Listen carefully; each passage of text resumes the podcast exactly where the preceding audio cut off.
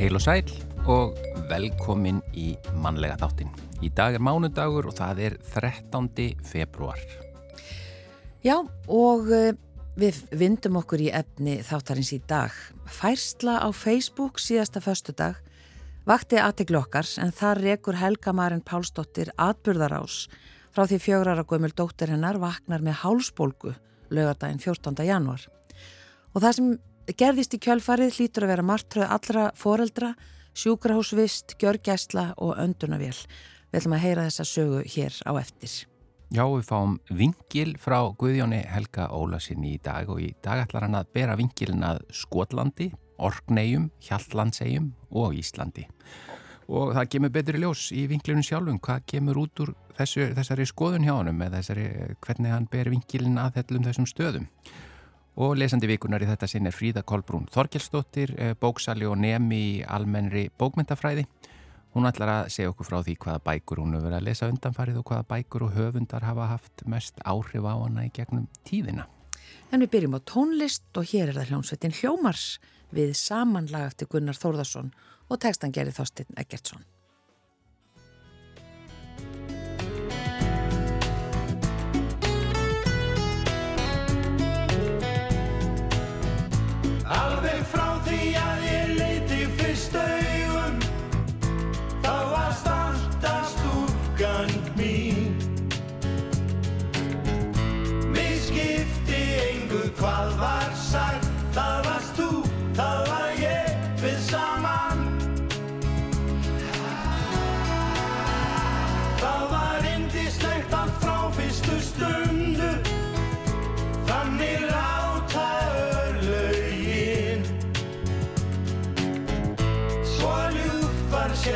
Sér hvert brós frá þér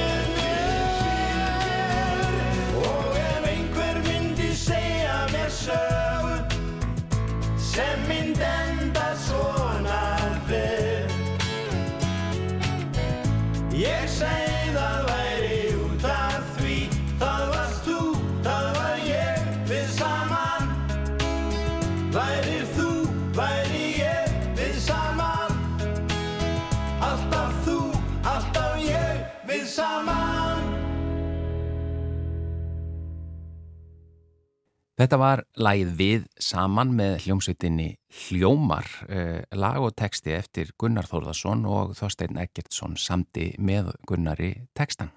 Já, eins og við sögðum í upphafi þá uh, ætlar hún að koma til okkar, hún Helga Marin Pálsdóttir og hún er komin hingað og uh, við vorum að tala um þessa færslu sem við rákum augun í um helgina það sem Helga Marin er að lýsa því hvað gerðist þegar já, barnið hennar vaknaði með hálspólku og það sem á eftir kom og við skulum bara byrja þetta á að uh, lesa hans þessa fæslu sem hún, sem hún gerði fyrir þremur dögum og hún byrja svona streftokokkar Það sem maður held að væri bara saglus hálsbólka. Laugadaginn 14. januar verður Lilja lasin og við tökum það fram að Lilja er fjár ára. Hún kemur heim frá ömmu og afa, skrýður uppi og segist vera svo lasin og með hálsbólgu. Ég mæla hana og hún var komin með 41 stiga hita. Ég ringi á læknavaktina og fá lækni heim þar sem Elvar, sem er maðurinn hennar Helgu og fadir Lilju uh, var ótrúlega lasin og ég nýskriðin úr aðgerð. Sálæknir metur hana með veirusíkingu Ég spyr hvort þetta séu streftokokkar, hann tók fyrir það, þar sem hún var með svo háan hita. E, gefið henni bara verkjalif og vögva. Og hún er komin ykkar til okkar, hún Helga Marin Pálsdóttir, móði Lilju, velkomin til okkar. Takk fyrir. Og e, þegar maður lesi yfir, þetta er laungfærsla hér á Facebook, þegar maður lesi e, þessa sögu þá er hún alveg e, átakanleg. E, það er hérna þetta byrjar svona og mm -hmm. þið farið með hann að sí endur tekið til lækna og Já. á læknavakt og annað og það er einhvern veginn engi sem, sem kveikir á að Nei. þetta séu streftokokkar. Nei. En uh, svona bara ef þú bara segir svona sjálf frá atbyrðarásinni. Já, hún bara eins og segir hérna verður veik 14. janúar og við fáum læknin heim og hann metur hana bara með þess að veru síkingu og við erum þá ekkert meira að pæla veist, í því, líka maður minn verandi veikur, við heldum kannski að þetta væri bara sama mm. uh, Sunnudagurinn er hún bara en þó svo slöpp og ég er alltaf að ringi í leknavaktina, reyna að fá einhver ráð uh, ég fann að beða mannin munum að ringi í leknavaktina því það er yfirleitt koma svolítið betri svör þegar að pappin ringir uh, hún verður ekkert betri og svo aðfarnótt mánudags fyrir hún að kasta upp og fyrir sjálfa að byggja um lækni. Já, fjórar gum. Já, þannig að pappinar fer með hana mándagsmorgunin á heilsugessluna og lætur skoða hana þar. Og það er bara sama, þú veist, það er bara að skoða í hálsin og það sé bara verið síking, þú veist, það var engin skoðun í rauninni meiri. Og ég spurði hann einmitt hvort hann hafi spurst hjúkruna fræðingin um að því hún fann að anda svona svolítið grund og voru að koma svona stunur og þetta var svona svolítið skrítið og, og svörum voru bara að þetta væri út að hún var um svo háan hita. Þannig að hann alltaf bara kemur henni heim og hún bara skrýður upp í og er bara fáru veika allan daginn og ég alltaf hringi í læknavektina og spyrja hvort þetta var gætu verið snýrtnasteinar, botlangin, bara hvað sem er. Mm. svo svona undir kvöld þá bara leist okkur ekkert á þetta og við hringdum aftur og fengum þá lækning til að koma aftur heim. Og hann sá strax að þetta var straftakokkar og hún leist ekki nóg vel á hana og ég sagði en hérna, en ég spurði mitt læknin á lögudagin, hann tók alveg fyrir að þetta var straftakokkar og hún fannst svolítið skrítið að mitt að sálæknir hafi mitt bara geta sagt það einhvern veginn, já, á, bara útlokað á þess að taka stróku og, já, í rauninni og svo er þetta strók, svo er skjóndu því inni mm. það tekur bara það ekki örfa ár mínútur Jú. að fá niðurstöðu já Þannig að hún er fast að svolítið skrítið og sagði okkur bara fara með henni nýra á barnaspítala og Elvar brunar með henni að þanga og menn ég er heima með strákin.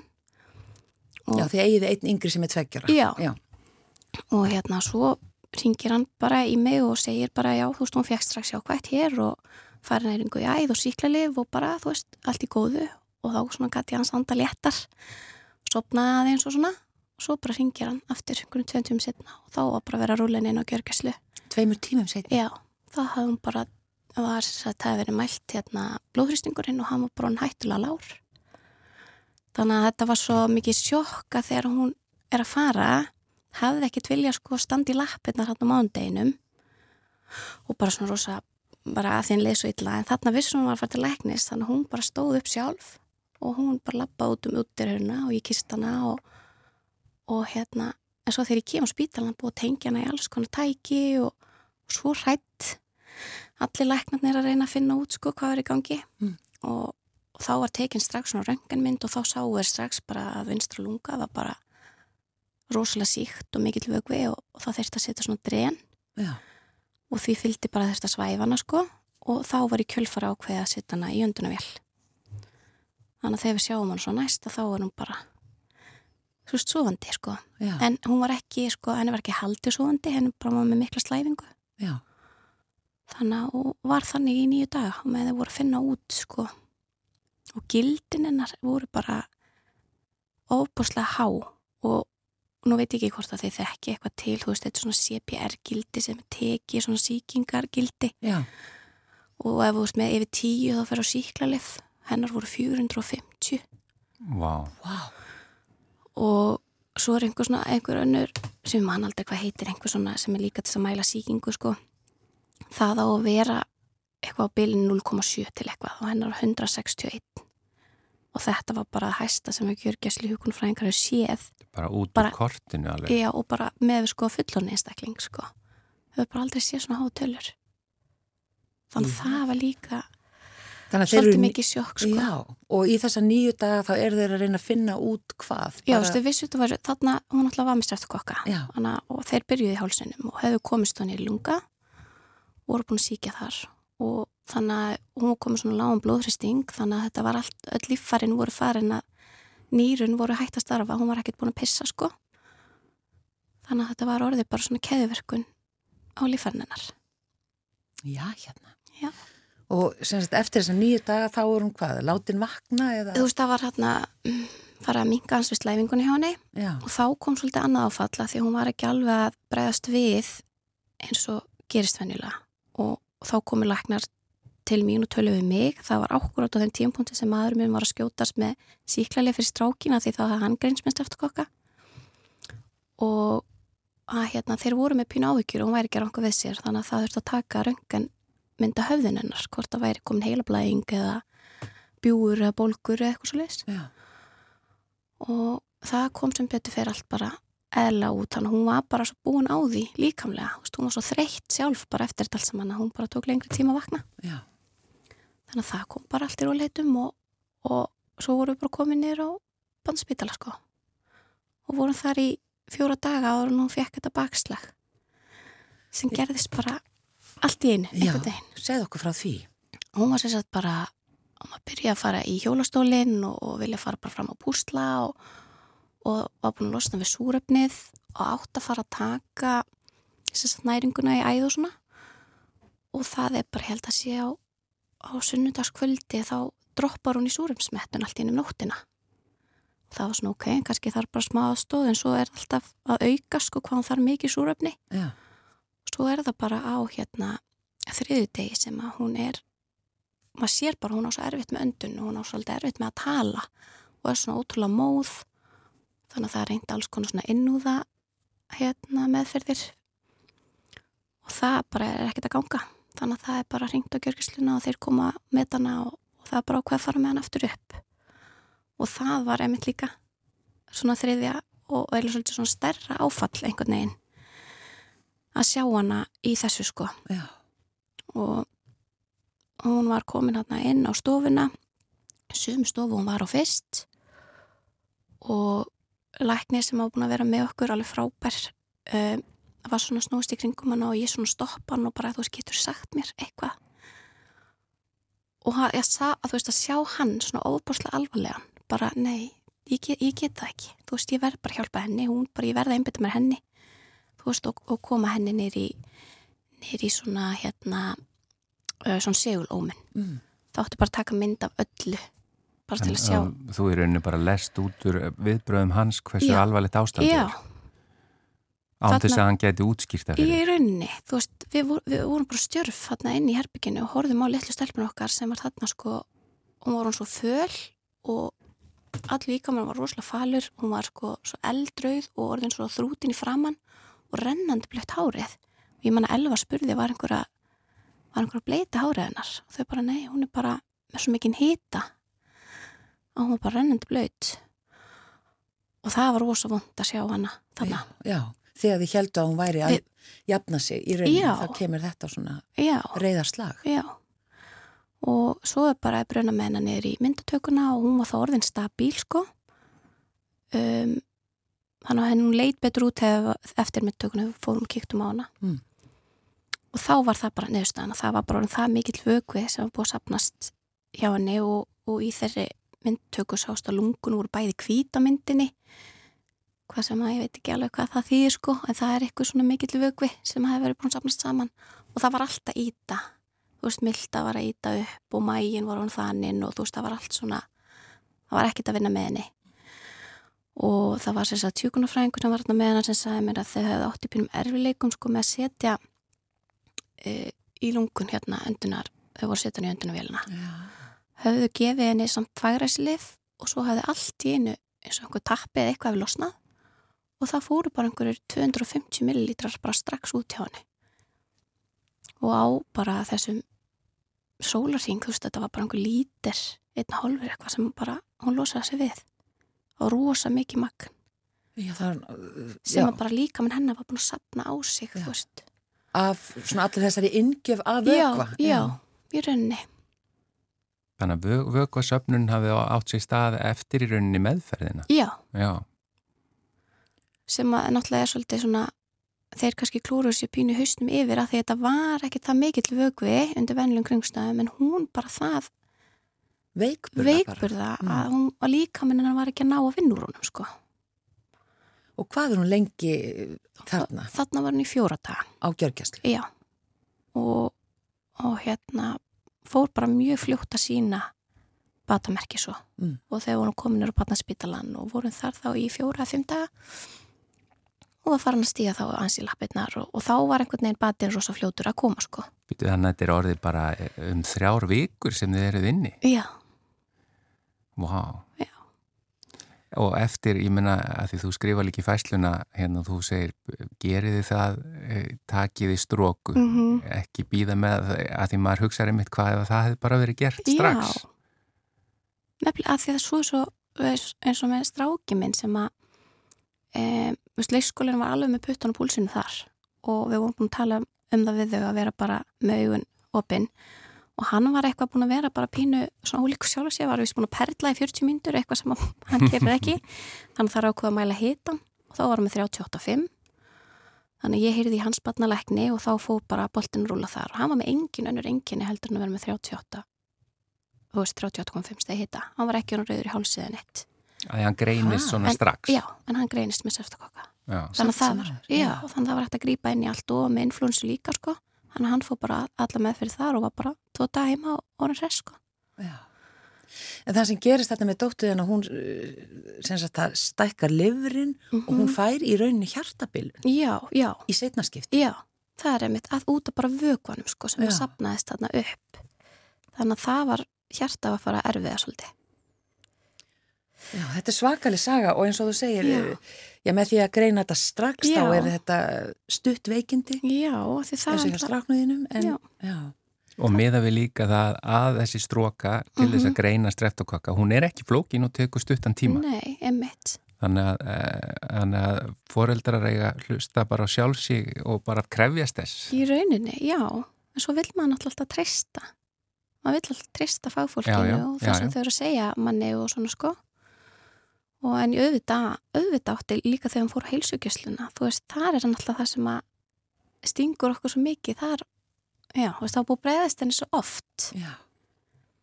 að það hafi ekki verið tekin skoðun sko, hún alltaf gæti ekki hún alltaf stóð ekki til lappina þar og var rosalega lasin að það hafi ekki verið hlustað, tekin blóðrýstingur engin lífsmörk, ekki neitt sko Einmitt. þannig að það er eitthvað sem, sem að þarf að skoða sko. Já. Þú hefur fengið rosalega mikil viðbröð við þessari færsluðinni, sagður okkur. Það er Já. bara, eiginlega öll helgin bara búin að fara í að svara alls konar fólki sem svona kannski hefur, ég, ég veit ekki svipað þessu að Já. segja vill, já, er það? Bara, já. já. bara algjörlega, bæði sko svona viðbröðum frá í rauninu heilbrískerfinu og, og heilbríðstafsfólki sko og hérna líka bara hvernig streftakokkar fór með börnin og, og svona alls konar sko Já. og það er líka svona pínu pínu sjokk að sjá það að ég gerir mig enga grein fyrir í rauninni kannski alvarleikanum á þessu þetta er óslega stort og alvarlegt og, og líka það þú veist að sé þessi faraldur sem á búið að koma frétt um Já, bara skömmu áður en hún greinist. já, Já, að þetta væri mikið starra en við varum að, já, já. Og hvernig hefur hún það í dag? hún, Hún Lilja. já, hún hefur það fínt og hún alltaf bara er algjör humoristi og, og hérna, veist, karakterinn hennar er að hjálpa henni rosalega mikið, sko. Þannig að hún stendur sig ótrúlega vel. Og hún er komin í Hún leikskólan er komin aðeins í leikskólan, Já. aðeins að fara bara í, smá heimsókn og svona, byggja, að reyna að byggja hans upp þóli Mm. þannig að þetta er allt að koma hjá henni sko Já. Og ástæðan fyrir því, ég helga maður að þú vildi koma fram Mhm. í viðtal, eh, var einmitt svo að svona, þetta væri kannski viti til varnaðar algjörlega, og svona lífsreynsla sem hægt er að draga lærdóm af, Já. bæði fyrir, fyrir foreldra og eh, heilbriðstafsfólk. já, algjörlega bara, þú veist, að hlusta á okkur við erum ekki, við þekkjum börnum okkur best, við erum ekki að, að leika okkur að ringja svona oft á læknavaktina eða, eða draga börnum okkar til læknis sko þannig að hérna, og algjörlega í ljósi aðstana núna þá á þetta bara að vera stalpunar, það á bara að taka strók Já, sérstaklega eins og segir að því það er faraldur og, og þetta er einfalt strók. já En hérna, mér langar að fá að skjóta einu að bara svona í lokin að, að þegar að hún loksins svo fekk greininguna og við vorum komin upp á, á batnarspítala og, og gjörgæsluna, þá vorum við rosalega góðum höndum og fengum rosalega góða þjónustu. Það var bara þessi hérna, pínu þessi veggur sem er hérna heilsugjæslan og læknavaktin sem að var svolítið að stoppa en, en þegar við loksins komum á réttan stað þá bara var allt upp á tíu og mér finnst svo mikilvægt að koma því á framfæri. Helga Maren Pálsdóttir, kæra þakki fyrir komuna í mannlega þáttin og bestu kveði til Lilju. Takk fyrir.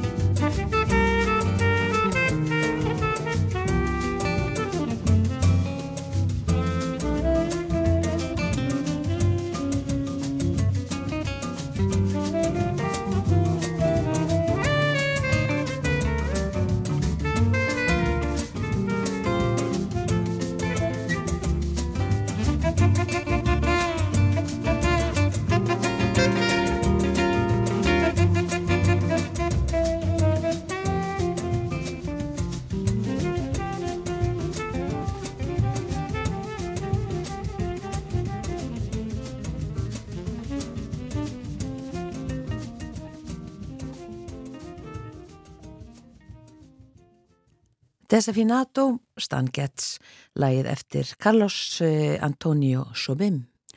Þá komið að vingli frá Guðjóni Helga Ólafsinni. Ágætu hlustendur, við hverfum til langfrænda okkar á Hjaltlands og Orkneim sem skotar kalla Norðuregar og tökum hring yfir Keithnes síslu í leiðinni á okkar hugarflugi. Ég myndist á skáldið Robert Burns um daginn og segi ekki alveg skilið við heimaland hans á þess að minnast fyrst á Great Glen eða Clown Moor eins og það kallast á skosku giliskunni og byrði þá sem að tala það mál og skilja velvirðingar á framburði. Great Glen gæti kallast mikli dalur á íslensku og bæri það nafn með rentu, enda 100 km langur og skiptir norður hluta Skotlands nokkurn veginn í tvent og nær í dag fyrir tilstilli Kaledóníu skurðarins allt frá Fort Williams í suðri til Inverness í norðri. Í botni þessa Mikladals eru allmörg stöðuvötn, meðal annars hið viðfræga Loch Ness, en skrimslið Nessi sem þar mun víst búa hindraði ekki verkfræðingin Thomas Telford og flokk hans við að klára Kaledóníu skurðin snemma á 19. öld. Verkefni sem snerist um að gera skipagengan skurð með ekki minni en 5,5 metr stíft eftir Great Glen með því að gera skipgenga skurði á milli vatna, byggja stíplur og fleira. En við dveljum ekki við þá annars stórmerkilegu framkvæmt heldur horfum á stefnu Mikladals á heimskortinu. Ef þeirri stefnu er fyllt út úr höfninni í Inverness og haldið sem leið liggur, er næsta fasta land bærin Wick á Keithnes og haldið maður stefnunni áfram eru Orkneyjar næst og þá Hjallandseyjar. Keithnes á sér merkilega sögu. Þetta er nýrsti hluti skoska meginlandsins og var til nokkur langstíma búsvæði norrætnamanna, eins og reyndar Orkneyjar og Hjaltansæjar. Keithnes heitir eftir piktíska fólkinu sem að þar bjó við landnám normanna. Þeir kölluðust katt eða kat, eins og þeir hafa sennilega borðið það fram, og Katanes er líka til á Íslandi, á kvalferðaströnd.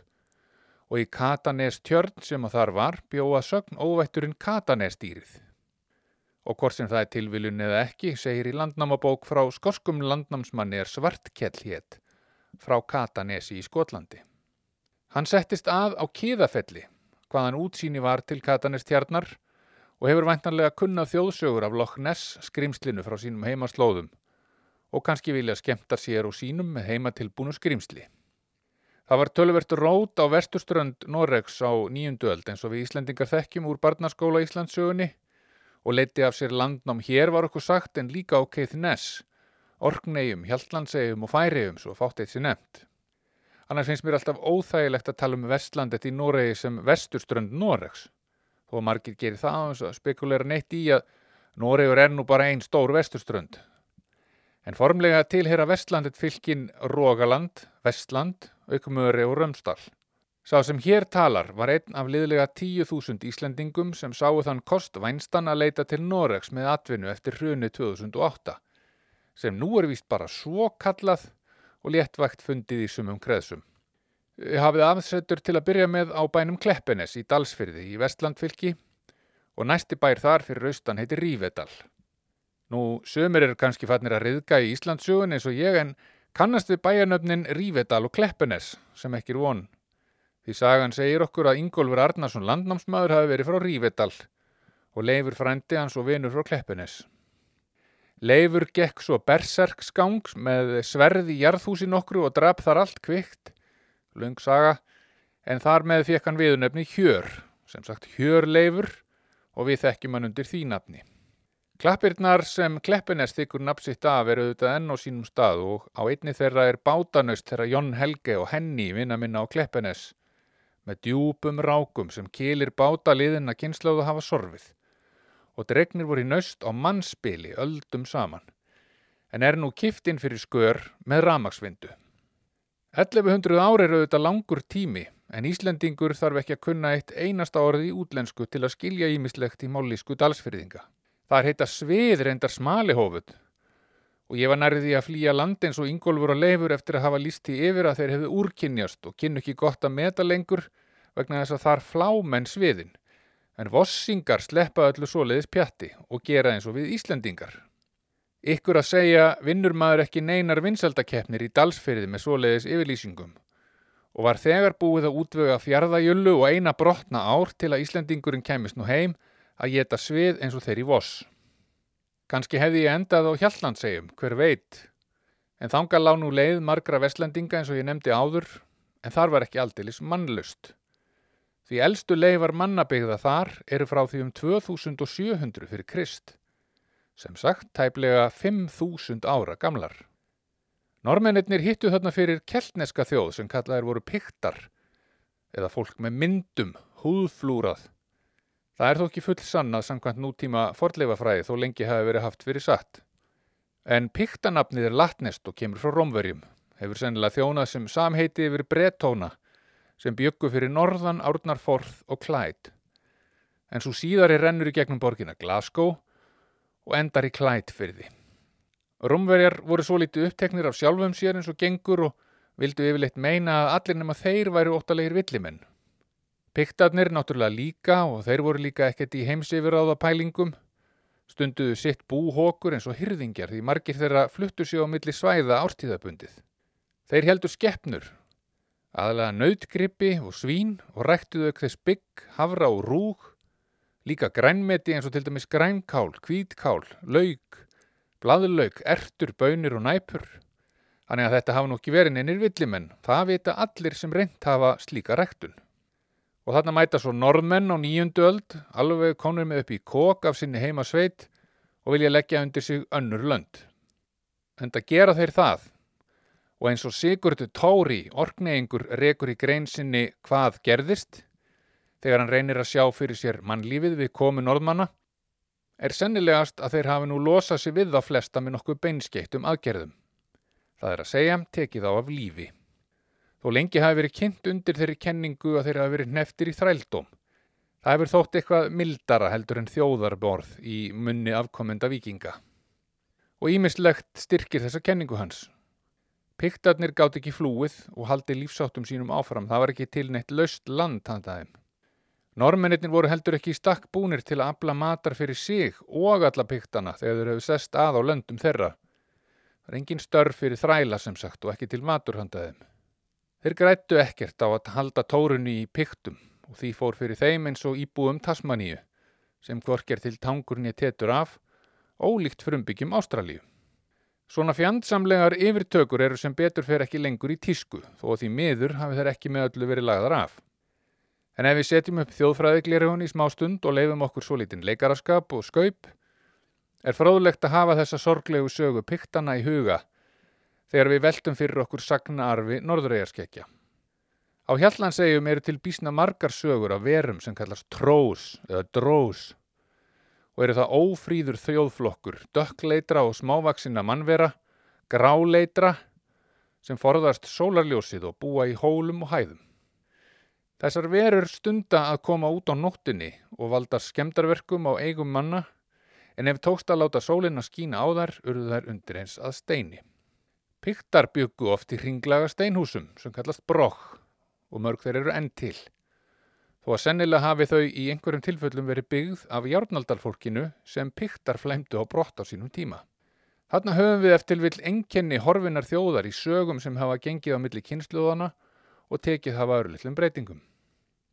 Smávaksnir svartarðir piktar sem skilja ekki norsku búa í hringlaga steinhúsum og eru öðlilega geðvondir vegna þess að verið er að hafa af þeim land og lífsviður væri, eru orðnir að litlum og ljótum trós sem fara út á nóttunni til að fremja spellvirki. Það hljómar ekki ósennilega á hans að ég geti slegin ennu förstu. Í bókinni Rambles in the Far North eftir Robert Menzies Ferguson er því haldið fram að tróin séu öll farin af orknefum. Þau hafi verið orðin óanæð með lífið þar undir það síðasta og vildi fara út í eiginu hói og setja stað í dvergasteini sem þar er. Sagan segir að tróin hafi öll sapnast saman við Black Craig á Stromness og þar farið að búa til langreipi eitt mikið. Og þegar það var tilbúið fór Hempi the Ferry Looper, sá lampa lengsti af þeirri þjóð, og stökki einu stökki yfir í hói með annan enda reipisins um sér miðjan. Þau sem voru í landi bundu sinn enda við stakstein, en Hempi hjælt um hinn endan og fóru allir á höndum út á reipið með ólgandi hafið undir. En þó að Hempi hafi verið magnaður íþróttakappi var hann klöfskur og misti sinn enda af reipinu og fórst þar öll hans þjóð á einu bretti. Hann gæti ekki á heilum sér tekið eftir að hafa hort á þeim hverfa í freyðandi hafið og tók sitt síðasta afreikstökk úti til að geta saminast þeim í döðanum. Ég þakka þeim sem hlýttu. Góðar stundir.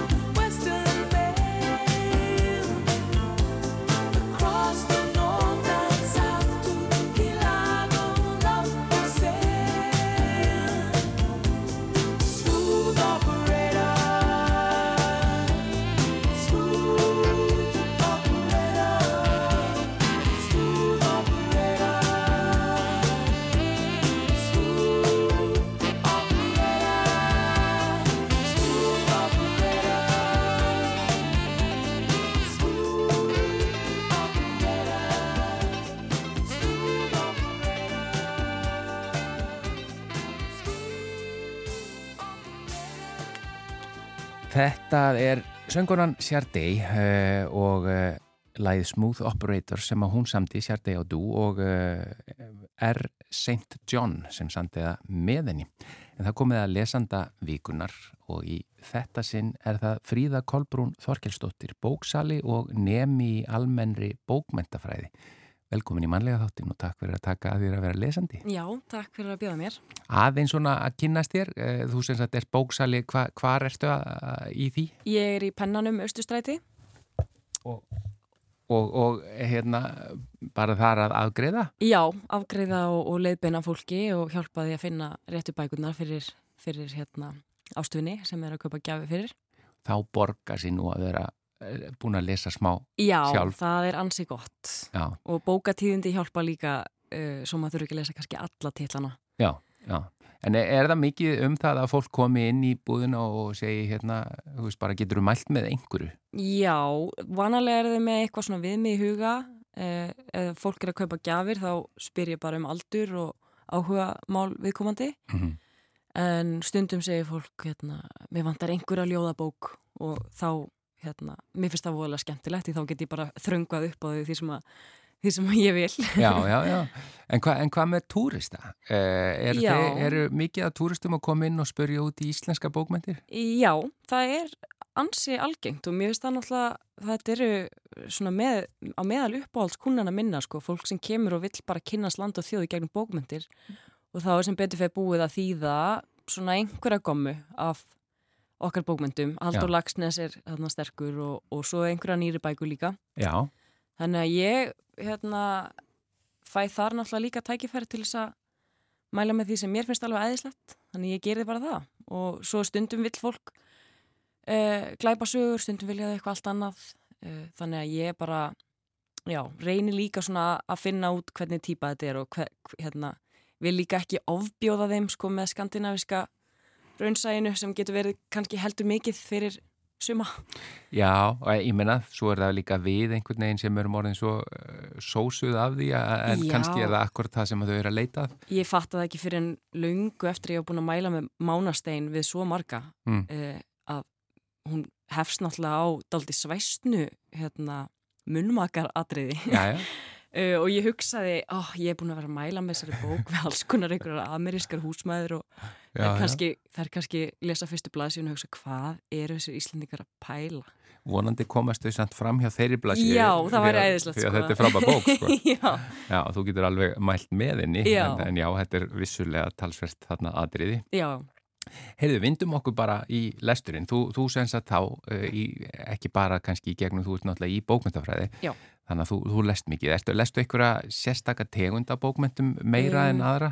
Nei, ég les bara þær bækur sem ég þarf að lesa í skólum og ég hef eiginlega ekki tíma fyrir mikið annað Já, en ég er mest fyrir samtíma bókmyndir þannig að mér finnst skemmtilegast að lesa bækur sem eru nýjar og hérna, fylgjast með því í hvað átt bókmyndir er að þróast já, en auðvitað e, getur líka verið gaman að lesa grískar tragedýr eða, eða hvað sem það er sko. Að, en ég er svona á sumrin þegar ég fæ að velja sjálf hvað ég les þá, þá fer ég í hérna, nýjustu bækurnar.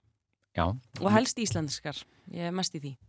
Vindum okkur bara í fyrstu. Hva, hvað er fyrsta bókin? Það er einmitt e, nýíslensk bók. Það er Lungu eftir Pedro Gunnlaug Garcia.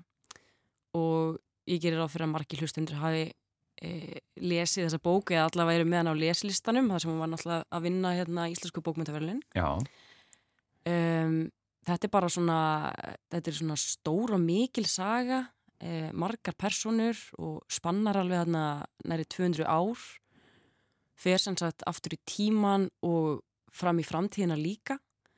Og við fylgjum þarna ákveðni fjölskyldu og en það minnir, hún minnir stundum á 100 ára einsemd. Hún er augljóslega uh, skrifu undir áhrifum af 100 ára einsemd. Um, og uh, þa þar kemur líka sko það er svona töfraraunsægi sem að mér finnst rosalega skemmtileg stefna og hef mikinn áhuga á. Og þetta hefur töfraraunsægi uh, í íslenskum bókmyndum það hefur alveg verið til. Mér fannst þetta að vera svona þetta er einhvern veginn svo mikið pjúra töfraraunsægi og hérna í, einmitt í svona fjölskyldusögu þar sem margir menningar heima mætast líka það gerist í uh, nokkrum löndum. Það er svona einkenni á töfraraunsægi oft. Mm. uh, þannig að mér fannst þetta bara rosalega sterk sterk bók og hún átti þessi velun alveg uh, fyllilega skilið vegna þess að þetta er svo metnaðafullt að gera þetta að fara bara í, já, heyrðu, ég ætla bara að skrifa hérna um sko Vietnam árið 1940 og svo ætla ég líka bara að tala um Reykjavík árið, þú veist, 2100 og þú veist, þetta er alveg bara, maður, hérna, þetta hlýtur að hafa verið rosalega mikill tími og vinna sem fór í að gera þetta verk. Og þrátt fyrir allt þetta þá verður hún ekki rugglandi. Hún einhvern veginn heldur manni bara og maður sér uh, sig og fólk sem að þekkir í þessum personum þetta er svona ákveðin speill á Íslands samfélag líka. Og já, ég myndi mæla með þessari bók bara fyrir alla Ég ætlaði um að segja það, þú myndir mæla og þú mælir þá væntalega með henni þegar þú ert að afgreða. Já, það, ég þarf þess ekki einu sinni sko. Nei, nei, nei. fólk bara segir, hvað er lungu, hvað ertu með hana hvað ertu með hana? já, já, já. þannig að fólk er hérna, Merkiru sem, sko, að- að- sem bóksali, Já.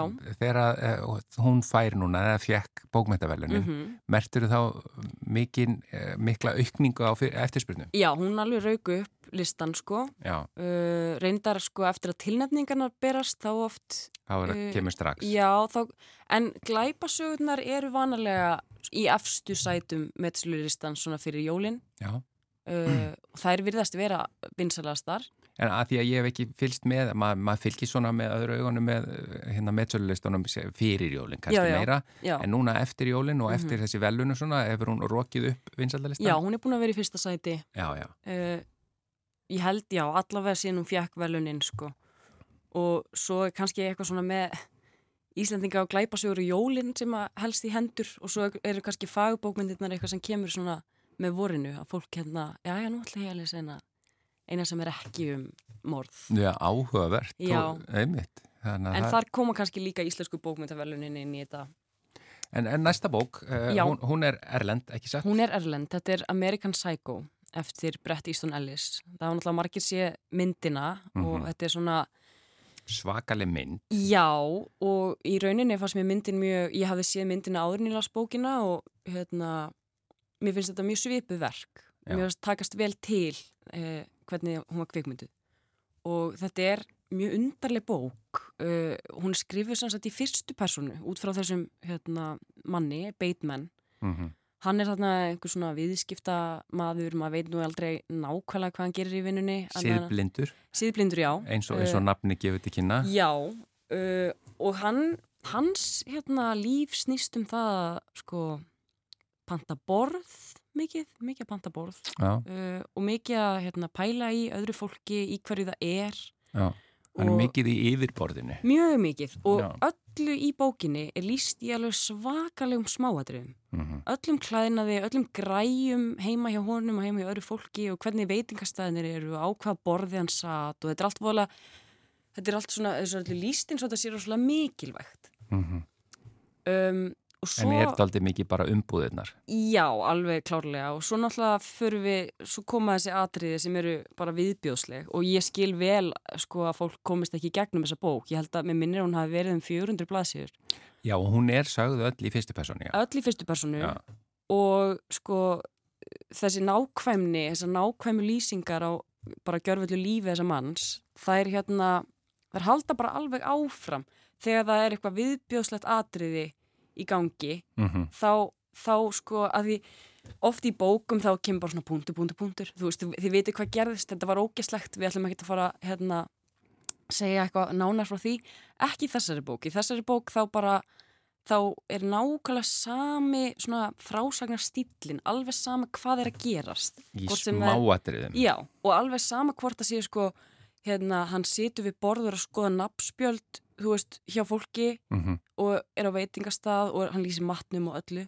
En hérna, það er eins og þetta rennur bara svona saman við viðbjóðin. Já, já, já. og hérna maður spyr, sko, þessi bók hefur náttúrulega verið bönnuð á mörgum stöðum, hún hefur sumstað verið bönnuð innan átjánara sem Brett Easton Ellis hefur sagt að hún finnist cute and adorable en uh, Er hann einhvers, eh, ég meina, er hann stórfyrirlega típa? ég, ég held það, ég veit ekki droslega mikið um hann en hann virðist vera hérna, stórfyrirlega típa en hann er líka kannski bara svona típa sem að þú veist, já ef þið höndlið þetta ekki skilur þá bara, þú veist þa- það er ykkar mál, þú veist Já, og hann já. er náttúrulega á móti rítskoðun eins og ég held flestir höfundar eru Já, já. En ég held að bókin sé svona ég held að það sem að hann sé að reyna að gera með þessari bók sé að reyna að tala bara svona daldi hann er að reyna að sína hvernig efnishyggjan er, hvernig græðikinn er hvernig þetta nútíma Mhm, Í sinni samfélag vestumynd. Já, og hvernig sko þetta nútíma samfélag og það að,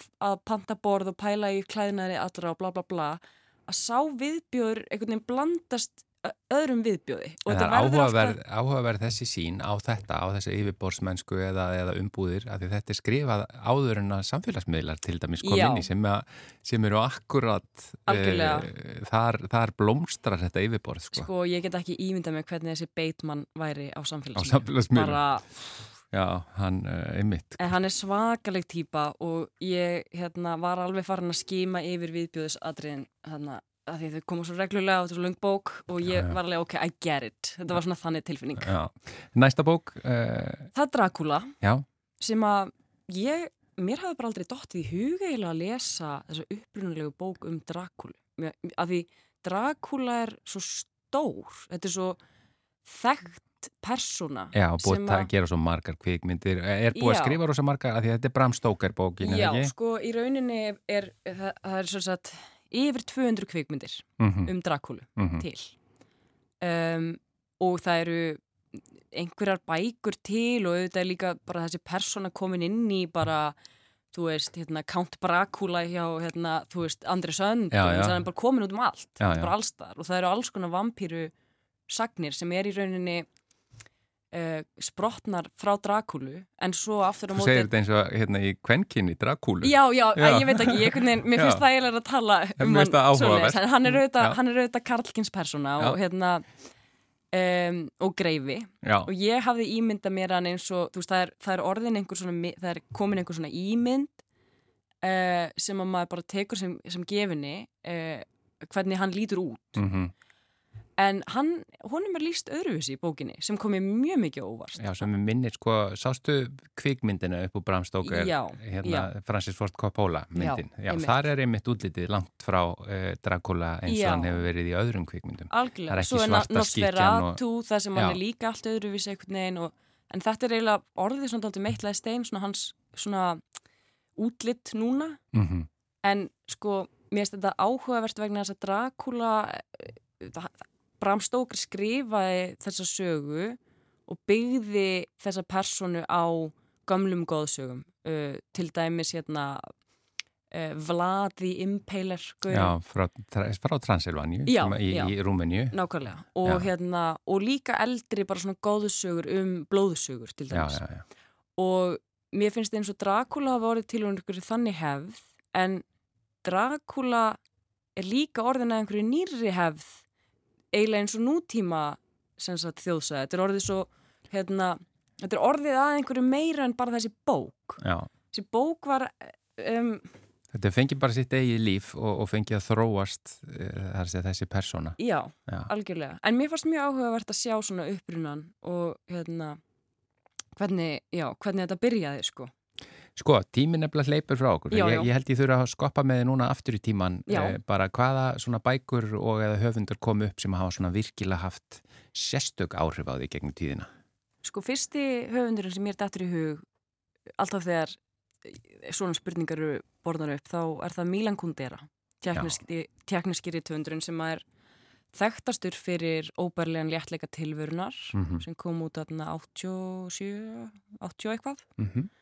Um, og ég, það er aldrei fyrir mín, minn tíma og ég misti aldrei af svona hans svona þegar hans fræðasól var, var hæst á lofti sko, að því hann var alveg bara svona tísku höfundur og allir meina- voru að lesa þetta og, ég, ég, ég var úlingur á þessum tíma og við, bara allir vini mínir lásu þessa bók, sko. En ég hef ekki lesið annað eða meira eftir hann. Nei, ég fann þessa bók heima hjá ömmu minni uh, Kiljuklúburinn Uglan gaf þetta út Já, sem að er, ég vil bara gefa þeim svona smá sjátátt hérna vegna þess að ég, ég dýrka þessar bækur sem að þau gaf út.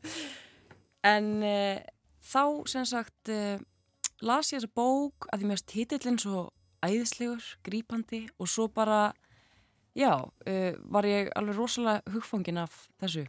Þú ætlaði að nefna eða ekki tvo íslenska höfunda líka? Jú, ég myndi segja að Andri Snær hafði mikil áhrif mig bara frá því ég var barn með sögun á bláa hnettinum svo las ég Lofstar setna á æfinni og var líka ótrúlega hrifin af svona þessu hérna sci-fi dæmi Já. sem hafa með uh, sem ég hafði ekki sko séð áður á í íslensku bókmyndum Mm og tengdi sci-fi aldrei beint við sko góðar bækur Já, En- íslenskar vísindaskáldsögur. Já, en Já. hún var alveg æðisleg uh, og svo ótrúlega sönn þótt hún hafi verið skrifið 2002 Já, Eh, og svo var Kristín Eiríksdóttir líka á blaði vegna þess að ég, ég hef hérna lesið Kvítfeld og Tól og hérna og ljóðabókina Kærastinn er jóður og ég er rosalega hrifin á Kristínu og mér hún svona að tala mitt tungumál. Já, Fríða Kolbrún Þorkistóttir bóksælu og nemi í almennri bókmentafræði. Þakka þér innlega fyrir að vera lesandi vikunar þetta sinn. Takk fyrir mig Þættinum er bara loki í dag. Við verðum hér aftur á sama tíma á morgun. Takk innlega fyrir samfylgdina og verið sæl.